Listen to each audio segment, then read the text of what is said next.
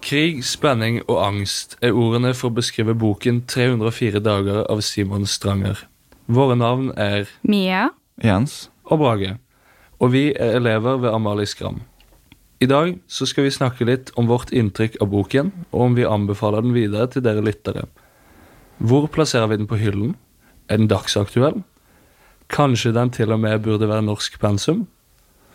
Ja, for i boken så følger vi hovedpersonen Nicholas i hans opplevelse som soldat i Afghanistan, og konsekvensene som følger han hjem til Norge.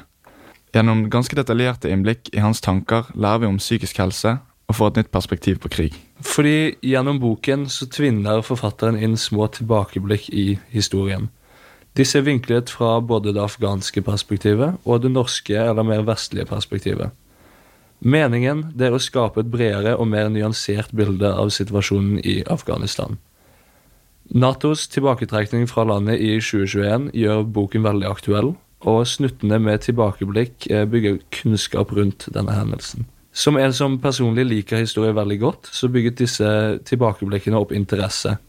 Men jeg syns de er aktuelle for alle, egentlig, eh, og det bygger en generell forståelse for verden rundt oss. Eh, da kommer jeg med litt eh, kritikk, da. Men før jeg kan begynne å kritisere, så må jeg nesten fortelle om det jeg liker for at det skal gi litt mening. Jeg syns begynnelsen og vår introduksjon til Nicolas var utrolig gripende. Så forfatteren har virkelig fått et godt grep på meg i begynnelsen. Men vekslingen mellom synsvinklene har gjort fortellingen veldig oppstykket, i min mening. Og, og, det var nesten frustrerende på et punkt, eh, fordi at engasjementet som jeg har bygget opp til hvert eh, enkeltperson, har blitt brått eh, avbrutt hele tiden. Så jeg må hele tiden gjenplante engasjementet mitt i de ulike personene, og, som, og det er noe som skader leseopplevelsen min. Men nå har jeg snakket litt om det jeg mener og eh, syns om boken, så hva syns du da, Jens? Ja, Min mening er jo at boken er ganske oppsiktsvekkende. Eh, den viser jo hvordan en slik konflikt er bygget på radikalisering. Eh, og du får jo ganske mange perspektiver, sånn som Brai sier. Du får liksom se det fra flere sider. Og vi ser også hvordan mange som deltar i en sånn krig, får mange flere problemer enn vi tror, som ikke kanskje er så synlig. Og det er der den gode skildringen til forfatteren kommer inn. da.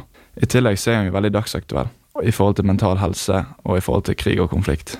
Ja, og da har vi jo nå snakket litt om hva vi likte og ikke likte, men hva er egentlig konklusjonen vår? Hva synes vi? Hvem anbefaler vi den til? Vår konklusjon er jo at vi anbefaler denne boken til aldersgruppen 18 og oppover. Og grunnen til dette er jo fordi at vi mener at eh, denne aldersgruppen vil forstå og ha en bedre nytelse av innholdet i boken.